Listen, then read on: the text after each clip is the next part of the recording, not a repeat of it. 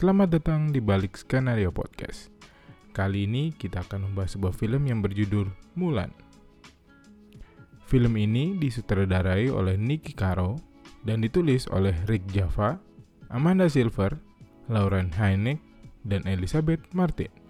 Mulan, seorang wanita yang lahir di keluarga sederhana, sangat ingin berbakti dan membawa kehormatan untuk keluarganya dengan cara menggantikan ayahnya untuk berperang. Namun, ia harus menyembunyikan identitasnya sebagai seorang perempuan dan Chi yang ia miliki. Oke, uh, sebelumnya uh, gue akan ngejelasin dulu tentang kenapa uh, eh, gue baru ngebahas tentang film ini sekarang. Jadi uh, awalnya karena uh, gue nungguin film ini legally bisa ditonton di salah satu platform digital gitu. Jadi gue tunggu sampai bisa ditonton secara legal gue baru mau nonton. Dan mungkin kalau misalnya nggak keluar di Disney Plus secara legal atau cuman ada di Amerika doang mungkin gue nggak nonton.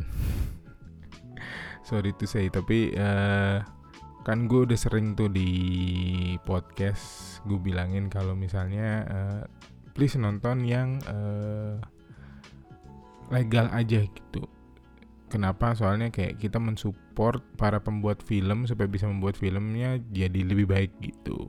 Nah karena alasan itu gua menunggu film ini keluar. Sama kayak uh, ada ada beberapa orang yang misalnya uh, tanya tentang uh, request uh, film Tenet yang belum keluar gitu. Nah itu mungkin gue nunggu sampai keluar di salah satu platform digital yang secara legal bisa ditonton mungkin gue baru nonton gitu. Jadi tungguin aja. Oke okay, uh, eh, setelah itu gue mau minta maaf dulu. Buat yang mungkin gak suka film ini karena memang film ini beda dari film uh, kartun ya uh, mungkin gue akan ngasih ngasih dulu penjelasan tentang kenapa film ini sebenarnya adalah film yang bagus kalau dia filmnya stand alone, gak based on film kartunnya di tahun 1998. Banyak banget perbedaannya, jadi nanti teman-teman bisa uh, tahu nih kenapa nih film film sebenarnya ha harusnya bagus gitu. Bukan harusnya bagus, memang film ini bagus kalau dia film stand alone yang gak di compare dengan film kartunnya gitu uh, eh, gue akan kasih tahu beberapa teman-teman kenapa film ini berbeda dari film kartunnya. Cuma sebelum itu gue akan kasih tahu ke teman-teman seperti biasa kalau ini adalah spoiler konten. Langsung aja. Uh, perbedaan pertama yang gue tangkap di film ini adalah uh, kalau film kartunnya Mulan itu namanya adalah Fa Mulan atau Mulan yang berasal dari keluarga Fa atau familinya Fa. Tapi di film live, live action ini Mulan uh, lahir di keluarga yang bernama Hua. Jadi namanya Hua Mulan, bukan Fa Mulan. Nah ini udah dua orang yang berbeda nih, Fa Mulan dan Hua Mulan. Jadi di sini aja udah yang kayak mayor banget nih, filmnya udah beda banget nih. Gitu. Terus uh, perbedaan kedua di live action itu ada salah satu elemen yang gue suka banget sebenarnya ada di film ini. Jadi film ini tuh punya banyak apa ya aksi reaksi yang bagus banget. Jadi kayak uh, karena dia punya ini akhirnya dia punya alasan untuk ngelakuin ini ini ini, ini gitu. Jadi uh, aksi dan reaksinya menurut gue tektokannya enak banget gitu. Film ini jadi jauh lebih masuk akal menurut gue elemen apa itu? Yaitu elemen chi atau kekuatan tenaga dalam yang dimiliki uh, oleh para warrior uh, di China gitu Nah kalau misalnya teman-teman tahu Chi itu kayak misalnya orang belajar Tai Chi atau kayak hmm, ilmu-ilmu tenaga dalam yang ada di Cina dan itu dipakai di film live actionnya Mulan. Nah sedangkan di film kartunnya nggak dipakai. Jadi uh, di film kartunnya justru Mulan hanya seorang wanita biasa yang pengen menggantikan ayahnya untuk berperang karena ayahnya udah nggak bisa jalan gitu. Yang selanjutnya Nah, di karena karena gue bilang uh, Mulan ini udah dilahirkan di da, dari film kartunnya dia di keluarga Fa dan di live actionnya di keluarga Hua. Jadi uh, keluarganya pun berbeda. Kalau misalnya teman-teman lihat, keluarga dari Mulan ini terdiri dari Mulan, ayahnya, ibunya dan neneknya.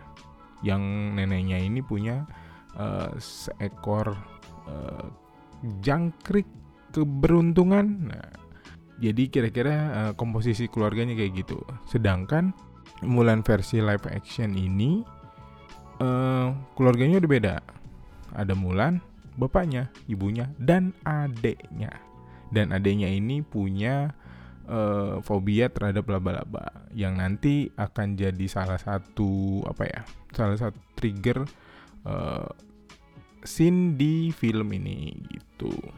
Nah, uh, seperti tadi gue bilang, uh, adanya itu punya fobia laba-laba dan akan jadi trigger salah satu scene di film ini yaitu uh, scene matchmaker atau Mak Comblang. Nah, uh, jadi waktu Mulan ketemu Mak Comblang atau matchmakernya itu ada sebuah scene yang sama sebenarnya di kedua film ini.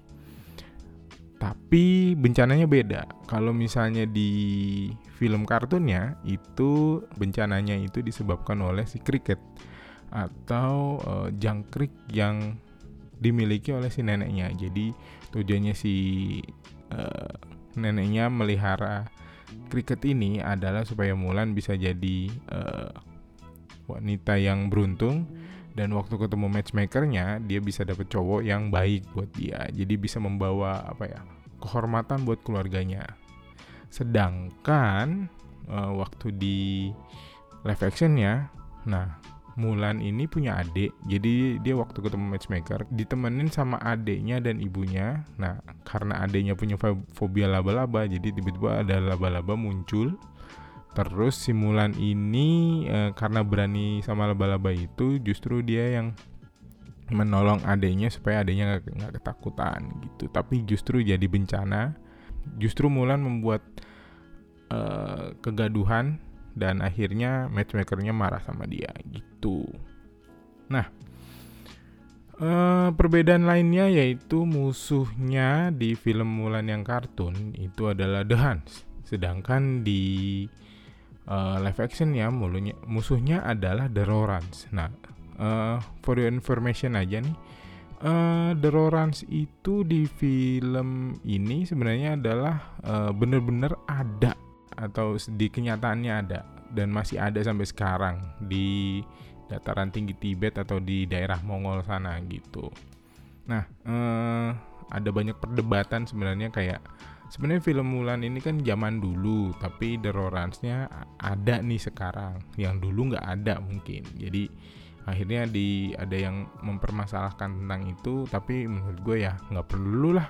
maksud gue eh, ya masalah waktu waktu setiap film makanya gue bilang kedua ini ini ini ada dua, dua film yang berbeda jadi terserah uh, si pembuat filmnya mengatur waktunya gimana lagi ada di zaman sekarang atau zaman dulu ya eh, nggak uh, ada masalah gitu jadi mau si musuhnya mau pakai siapa pun sebenarnya nggak ada masalah gitu itu menurut gue ya nah selanjutnya uh, The Hans ini kalau di kartun di Mulan versi kartun, The Hans ini menyerang tembok besar Cina. Jadi yang mereka serang adalah tembok besar Cina untuk menguasai uh, Cina daratan.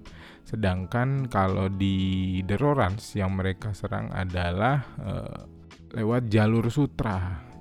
Jalur penyerangan mereka adalah jalur sutra, sutra yang uh, jalur perdagangan gitu. Jadi semua yang di semua pos penjagaannya mereka serang supaya mereka bisa menguasai Cina daratan secara uh, perlahan-lahan gitu tapi dengan cara yang sangar musuhnya juga beda jadi mula uh, di kedua Mulan ini musuhnya juga berbeda. Kalau yang di versi yang di versi kartun namanya Xian Yu.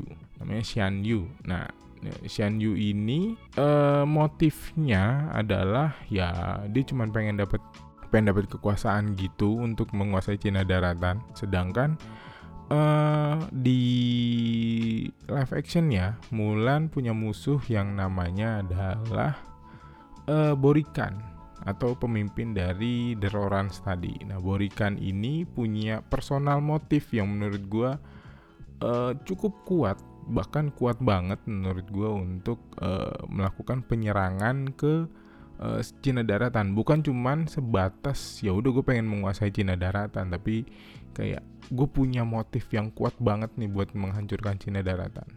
Selain gue bisa dapet power dan gue bisa dapat uh, Cina daratannya itu sendiri gue juga bisa uh, balas dendam sama kematian ayah gue yang dibunuh oleh raja Cina saat itu jadi uh, dan raja Cina ini diperankan oleh si Jet Li gitu nah uh, hal lain di film ini adalah uh, yang jadi permasalahan terbesar yang paling banyak di uh, diomongin orang adalah uh, masalah tentang Mushu yang nggak ada. Mushu ini uh, sebenarnya ada ancestor dari keluarga Mulan ya. Nah, uh, kalau di film kartun, uh, ancestornya adalah naga yang akhirnya diimplementasikan dalam bentuk Mushu. Kalau di Mulan versi live action, ini diganti nih, bukan naga ancestornya, tapi phoenix yang akhirnya diimplementasikan dalam bentuk burung phoenix beneran bukan beneran sih eh, 3D dalam bentuk uh, animasi uh, phoenix uh, yang akhirnya si phoenix ini juga bu bukan literally dia ngebantuin Mulan tapi memang dia membantu Mulan tapi dalam hal yang kayak uh, di, dia kayak jadi GPS gitu. Oke, okay, nah di sini ada lagi yaitu uh, The Witch di live action itu ada satu karakter baru yang namanya The Witch.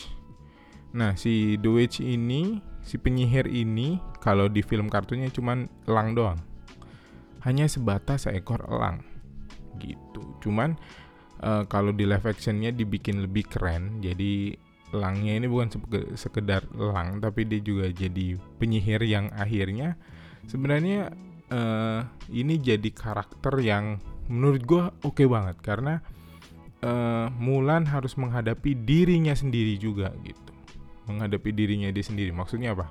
Jadi si uh, The Witch ini atau penyihir ini adalah seorang uh, seorang Mulan yang uh, kalau Mulan jadi jahat jadinya di si The Witch ini. Atau kalau misalnya pembagian karakter tuh dia jadi uh, pembagiannya jadi seorang shadow. Shadow dari si uh, hero kita gitu. Jadi uh, dia adalah sisi gelap dari hero-nya kita atau The Witch adalah si penyihir adalah uh, sisi gelap dari Mulan. Kalau misalnya Mulan uh, dia nggak mau ngebantuin uh, kekaisaran China saat itu, terus at, terus uh, si Mulan di bener-bener dibuang oleh uh, keluarganya dia nggak didengerin sama keluarganya dia nggak didengerin sama kawanannya nah nanti uh, sama kesatuannya maksud gue sama kesatuannya akhirnya dia akan jadi uh, seorang musuh yang sangat kuat gitu karena dia punya chi tadi. Nah uh, kalau Mulan punya chi otomatis dia bisa kayak The Witch gitu karena dia akan sangat amat kuat gitu. Nah, uh, hal lainnya, hal lainnya adalah love interest. Kalau di uh, versi kartun, uh, love interest dari Mulan yang sekaligus adalah seorang mentor adalah Li Shang, Kapten Li Shang gitu. Tapi uh, tapi di live actionnya uh, karakter Li Shang ini, Kapten Li Shang ini di split jadi dua. Yaitu ada uh, Komandan Tung yang akhirnya jadi mentornya dia dan uh, Cheng Hong Hui yang akhirnya jadi love interestnya si Mulan yang jadi orang yang berdiri sama sama si Mulan gitu. Nah kalau mentor ya orang ini akan berdiri di depannya Mulan dan ngasih tahu Mulan banyak hal gitu. Nah uh, menurut gue itu pilihan yang oke okay kok menurut gue uh, Li Xiang juga di kartunnya juga oke okay. cuman kalau menurut gue kalau di dijadiin satu orang ya boleh juga cuman uh, waktu gue nonton versi live actionnya gue lebih tertarik uh, ada orang yang bener-bener jadi mentornya dia dan ada orang yang jadi love interestnya dia orang yang menyemangati dia di sampingnya dia terus gitu. Ada waktu lagi latihan nih waktu lagi latihan uh, yang paling sulit buat mereka ada adalah uh, kalau di kartun yaitu mengambil panah yang tertancap di atas uh, tiang tiang gede gitu. Hmm, kalau sekarang mungkin kalau teman-teman tahu tuh kayak uh, panjat pinang, nah mungkin mungkin cocoknya kayak gitu tuh tapi harus dilakukan sendiri gitu. Nah tapi kalau di film live action ya itu kayak mungkin ini lebih cocok ke latihan Shaolin ya pelatihan Shaolin itu ngambil uh, ngambil air di dalam ember kayu terus diangkat tangannya harus lurus ke kanan dan ke kiri gitu. Terus nggak boleh turun. Nah kalau orang yang nggak punya chi dia akan sangat kesulitan tuh. Tapi karena Mulan punya chi nanti uh, di tengah cerita nanti uh, saat chi-nya keluar Mulan bisa ngelakuin itu gitu kira-kira nah yang terakhir menurut gua uh, yaitu ada si cricket nih cricket kalau misalnya tadi gue bilang cricket di kartunnya itu cricket itu dalam bentuk benar-benar jangkrik keberuntungannya Mulan yang selalu ngikutin Mulan bareng-bareng sama Mushu. Nah kalau di live actionnya sebenarnya cricket ada tapi diganti bentuknya dalam bentuk orang. Kalau misalnya teman-teman nonton itu waktu lagi perkenalan karakter di camp. Nah itu ada cricket ngakunya kan namanya cricket. Terus uh, karena dia dianggap sebagai anak yang membawa keberuntungan gitu. Nah nanti kalau teman-teman nonton teman-teman bisa nggak tuh. Selanjutnya gue akan masuk lebih dalam. Kita udah tahu nih kalau ini adalah dua film yang berbeda. Bahkan uh, sebenarnya kalau tanpa tanpa ada kartunnya pun Mulan bisa jadi uh, film yang bagus banget uh, secara film yang standalone gitu Kenapa? Nah, mari kita lihat lebih dalam, kita coba kenali lebih dalam lewat strukturnya, lewat struktur ceritanya. Nah, di X1 ini uh, kita dikenalin sama Mulan dan Chi yang dia miliki. Jadi dia tuh udah dari kecil dia udah punya udah punya kekuatan yang udah berasal dari dalam, yaitu kekuatan Chi yang gak semua orang punya. Karena katanya yang punya chi ini cuman uh, orang-orang uh, warrior doang. Orang-orang uh, yang kuat-kuat doang atau uh, para pendekar doang yang bisa punya chi ini. Nah Mulan terlahir dengan memiliki chi. Mungkin uh, kalau misalnya ngeliatin di bagian awal ini kita lihat bapaknya seneng banget kalau Mulan punya chi gitu. Tapi masalahnya Mulan ini cewek. Dan cewek gak bakal jadi warrior. Gitu. Itu adalah masalah uh, salah satu konflik yang ada di film ini. Gitu. Kita di, kita udah dikenalin konfliknya dari awal. Gitu. Nah next. Uh, di sini kita juga diperkenalkan sama uh, keluarga Mulan. Uh, dan bagaimana Mulan dipandang di keluarganya dan bagaimana Mulan dipandang di lingkungannya dia. Itu bahkan dari masih kecil dia udah dipanggil penyihir karena dia punya chi. Kekuatan chi yang tak di gitu. Bahkan uh, seluruh keluarganya kayak takut kalau dia nggak punya pasangan waktu ketemu matchmaker. Waktu dia udah dewasa ketemu matchmaker, dia nggak dia nggak ada pasangan yang mau sama dia, akhirnya uh, dia malah jadi aib buat keluarga gitu. Nah, uh, kita terus dikenalin sama uh, tema dari film ini yaitu yang gue lihat temanya adalah uh, kejujuran dan uh, kehormatan keluarga gitu. Kalau misalnya kita lihat gimana akhirnya Mulan uh, harus jujur dengan dirinya sendiri dan uh, bagaimana ia mempertahankan kehormatan keluarganya itu bagus banget dikenalin di film ini. Nah, di X1 ini juga kita dikenalin sama uh, musuh besar di film ini yaitu Borikan dan uh, The Rorans-nya. Terus kita juga dikenalin sama Shadow, Shadow dari Mulan ini yang akhirnya akan membuat Mulan berubah dari Mulan yang ada di X1 sampai akhirnya dia berubah jadi Mulan di X terakhir di X3 gitu. Oke, okay, uh, eh, terus kita juga dikenalin sama uh, katalis dari film ini. Awalnya kenapa akhirnya Mulan bisa masuk ke bagaimana film ini berjalan gitu. Kita dikenalin sama uh, awal mula Mulan kabur dari rumah. Jadi kayak, kalau menurut gue uh, semua ak sebab akibatnya jelas kalau di Mulan versi live action ini, di versi live action ini kayak kalau yang ada di pikiran gue Mulan tuh kayak gue udah diasingkan gue nggak nggak diterima. Uh, gue ikut matchmaker gue udah ditolak. Uh, gue ditolak juga karena gue punya Ci bahkan gue dipanggil penyihir. Terus mumpung bapak gue udah nggak bisa uh, menjaga kehormatan keluarganya dengan berperang karena dia nggak punya anak laki-laki otomatis gua anak paling besar yang bisa membawa kebanggaan dan uh, kehormatan buat keluarga ini. Kalau yang gue lihat gitu ya yang ada di kepalanya Mulan menurut gue. Dan uh, alasannya dengan kekuatan Chi yang dia punya sih alasannya jelas sih. Alasannya solid banget menurut gue. Uh, soalnya penolakan dari keluarga dan penolakan dari uh, lingkungannya juga jelas banget sih kayak dipanggil penyihir ya kali. Gitu. Jadi gak ada orang yang bisa terima true colornya dia. Bahkan dia disuruh uh, memendam uh, giftnya dia memendam bakatnya dia sebagai warrior. Uh, yaitu dia disuruh bapaknya untuk memendam cinya dia. Gitu. Nah uh, dari katalis tadi akhirnya Mulan uh, take a step dia akhirnya di malam sebelum bapaknya berangkat uh, dia akhirnya ngambil baju jirah dan kertas gulungan untuk uh, pendaftarannya gitu. Surat perintah untuk jadi tentaranya itu dia ambil terus dia pergi ke camp.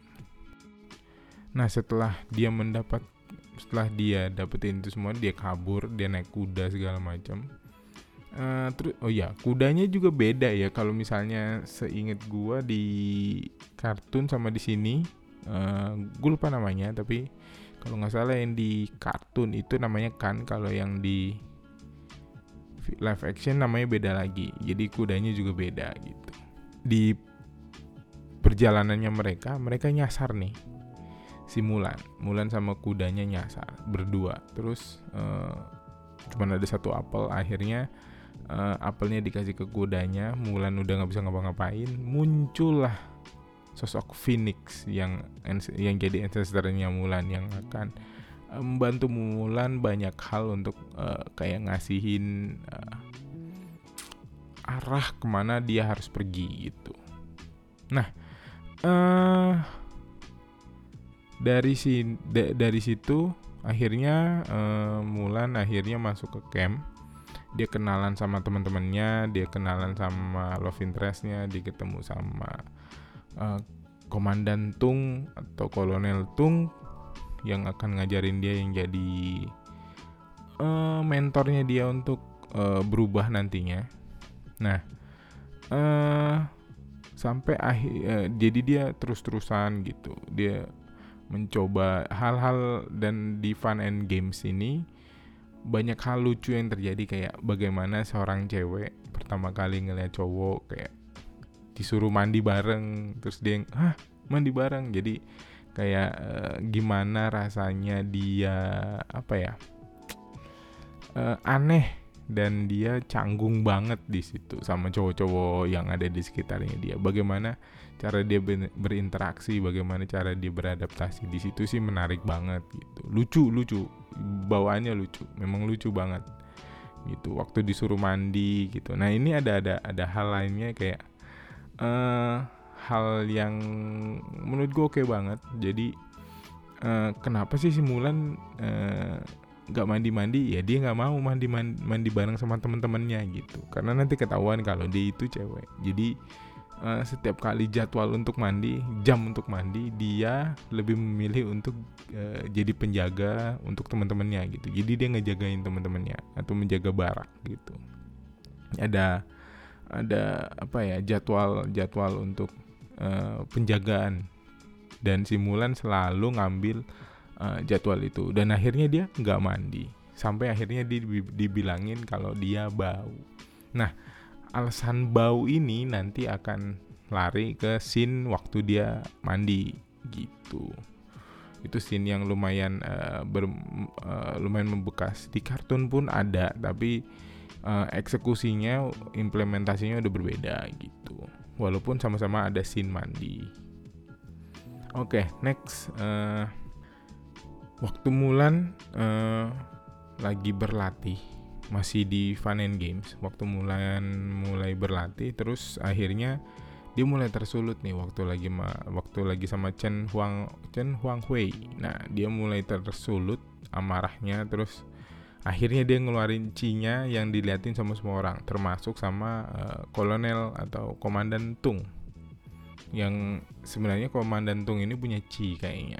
Jadi akhirnya diliatin wah siapa nih jadi sebenarnya sebenarnya kolonel Tung ini udah tahu kalau Mulan itu kayak bapaknya adalah seorang kesatria. Tapi karena bapaknya udah pensiun gitu kayaknya udah nggak uh, dan bapaknya udah nggak bisa jalan lagi akhirnya bapaknya pensiun dan gak jadi warrior lagi gak jadi kesatria lagi.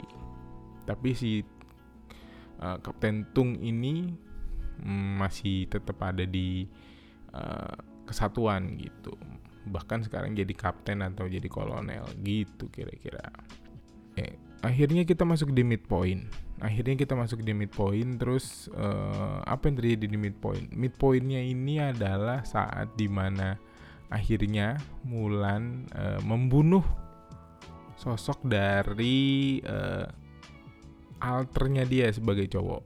Dan dia benar-benar keluar sebagai cewek dan ada satu scene yang sebenarnya gue suka banget. Jadi sebelum dia benar-benar lepas cinya yaitu uh, pertama dia cinya itu keluar waktu dia berantem sama si Cheng Huang Hui uh, lagi latihan bareng kayak sparring sama uh, Chen Huang Hui. Keluar terus diomongin sama si uh, Kolonel Tung akhirnya dia ngeluarin cinya terus dia berhasil bawa si ember yang penuh sama air itu dibawa ke atas gunung gitu. Terus teman-temannya lihat wah gila emang ku emang Mulan kuat nih. Itu adalah scene salah satu the best scene yang gue suka di film ini gitu. Terus Nah, mulai dari situ akhirnya masuk ke midpoint di mana akhirnya mereka mulai uh, kayak mau menyerang si uh, Borikan. Mereka mau ngebantuin mau ngebantuin beberapa pos penjagaan yang mau diserang sama Borikan. Waktu mereka ketemu uh, salah satu pos yang udah dihancurin sama Borikan, mereka kaget terus mereka ketemu sama Borikan dan kawanannya atau Deroran terus akhirnya uh, mereka sempat gagal sebenarnya dibilang gagal juga belum gagal-gagal banget. Jadi mereka masih berperang berperang gitu. Sampai akhirnya Mulan uh, pergi sendirian untuk ngejar uh, Borikan yang uh, Borikan dan uh, beberapa anak buahnya yang terkuat. Jadi anak buahnya yang lemah-lemah nih kayak ditinggalin sama si untuk jadi dextra untuk jadi distraction doang untuk penyerangannya dia yang lebih gede gitu. Cuman uh, karena Mulan ngejar. Mulan ngejar akhirnya uh, justru Mulan yang uh, akhirnya uh, masuk ke perangkap. Terus ketemu sama The Witch atau si penyihir. Nah waktu ngobrol mereka akhirnya kayak uh, tahu akhirnya kayak mereka kayak ngaca gitu. Tapi uh, dan di sini gue ngerasain banget kalau di si The Witch ini adalah uh, bagian gelap dari Mulan. Jadi kalau misalnya Mulan kalau akhirnya Mulan jadi jahat ah, jahatnya pasti jadi The Witch gitu. Bahkan diajakin untuk lu tuh punya ci yang gede gitu. Mendingan lu ikut gua lu bantuin ikut bantuin gua. Tapi si Mulan gak mau. Di midpoint adalah kemenangan pertama Mulan melawan uh, Borikan dan kawanannya gitu. Dan di sini dia sempat menyelamatin si Kapten Tung yang akhirnya begitu uh, Borikan kawanannya Borikan ini sempat kalah. Jadi kalah di situ. Uh, saat Borikan dan kawanannya kalah di sini karena Mulan uh, nembak gunung es dan gletsernya jatuh. Nah, uh, Mulan keluar lagi dan dan Mulan cerita ke kawanannya tentang uh, siapa dirinya sesungguhnya dan waktu teman-temannya ketemu ngeliat itu terutama uh, Kapten Tung sangat apa ya sangat kecewa gitu. Akhirnya Mulan sebenarnya seharusnya dihukum mati tapi karena uh, Mulan itu menyelamatkan nyawanya si Kapten Tung akhirnya uh, Mulan diselamatkan gitu. Akhirnya dia diselamatkan dan gak jadi jadi di, dia cuma diusir dari kawanannya aja.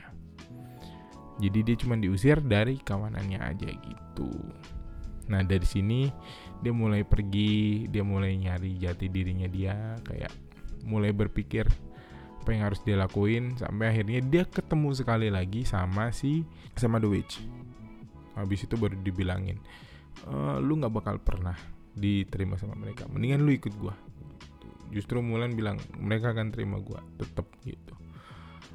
Terus Borikan uh, masuk the bad guys come in. Di ini kita udah masuk ke bagian 2 ya uh, di act 2 masuk ke bagian the bad guys come in sampai akhirnya uh, ternyata Borikan punya rencana yang lebih besar yaitu melakukan penyerangan langsung ke uh, kerajaan China gitu dengan melakukan destruksi uh, si uh, The Witch atau si penyihir melakukan penyerangan duluan terus menggunakan salah satu anak buahnya uh, salah satu orang kepercayaan dari atau penasehat dari uh, raja dari kaisar Cina. Terus uh, waktu si Mulan datang dan kesatuannya datang jadi si Mulan sebenarnya begitu udah diusir nggak boleh datang lagi ke, ke kesatuannya karena nggak bakal diterima tapi karena Mulan akhirnya mengeluarkan true colornya dia dia jujur sama dirinya sendiri yang tadinya dia nggak bisa jujur akhirnya dia jujur terus uh, akhirnya seluruh kesatuannya percaya sama dia kalau si Mulan ini mau uh, melakukan penyerangan ke Borikan yang lagi mau menyerang ke kekaisaran Cina gitu. Dari situ akhirnya Mulan uh, sampai beserta teman-temannya sampai di kaisar kekaisaran Cina gitu. Mereka sampai di sana sampai di kerajaan China itu. Begitu mereka masuk ternyata Borikan udah melakukan rencananya lumayan jauh gitu. Terus uh, Raja China ditangkap sama Borikan. Nah, mulai dari sini nih uh, semuanya kita mulai mulai dari sini kita masuk ke act 3. Nah, pertemuan Mulan sekali lagi adalah saat rajanya udah ditangkap terus uh, si penyihir duduk di singgah sana waktu si Mulan bilang uh, mau bilangin kalau dia uh, si raja si kaisar sedang di kaisar atau raja Cina sedang diserang dia mau ngasih laporan itu ternyata rajanya sebenarnya udah ditangkap gitu. Akhirnya dia ketemu sekali lagi sama The Witch. Cuman kali ini akhirnya Mulan bisa mengubah perspektif dari si uh, The Witch dari si penyihir. Akhirnya bahkan di sini uh, si Mulan bisa uh, ngomong ke The Witch untuk ngebantuin dia. Karena ternyata Mulan nggak uh, seperti yang dipikirkan sama The Witch. Kalau The Witch dulu mungkin ditolak, tapi Mulan bisa membuktikan kalau sebenarnya The Witch tuh bisa diterima oleh orang-orang gitu dengan cinya dia. Setelah dari situ masuk di Act 3, terus The Witch akhirnya ngasih tahu di mana Borikan sedang menahan si kaisar Terus akhirnya di situ terjadi perkelahian antara Mulan dan uh, Borikan. Satu-satunya menurut gue yang minor di sini adalah Borikan terlalu mudah dibunuh. gue nggak tahu ya, tapi menurut gue di sini terlalu mudah Borikan untuk dibunuh. Awal-awalnya sih oke okay ya, awal-awalnya kayak uh, mereka berantem gitu, berantem terus uh, pedangnya Mulan kelempar terus lepas dari tangan uh, jatuh ke tempat untuk uh, meleburkan meleburkan besi atau metal gitu.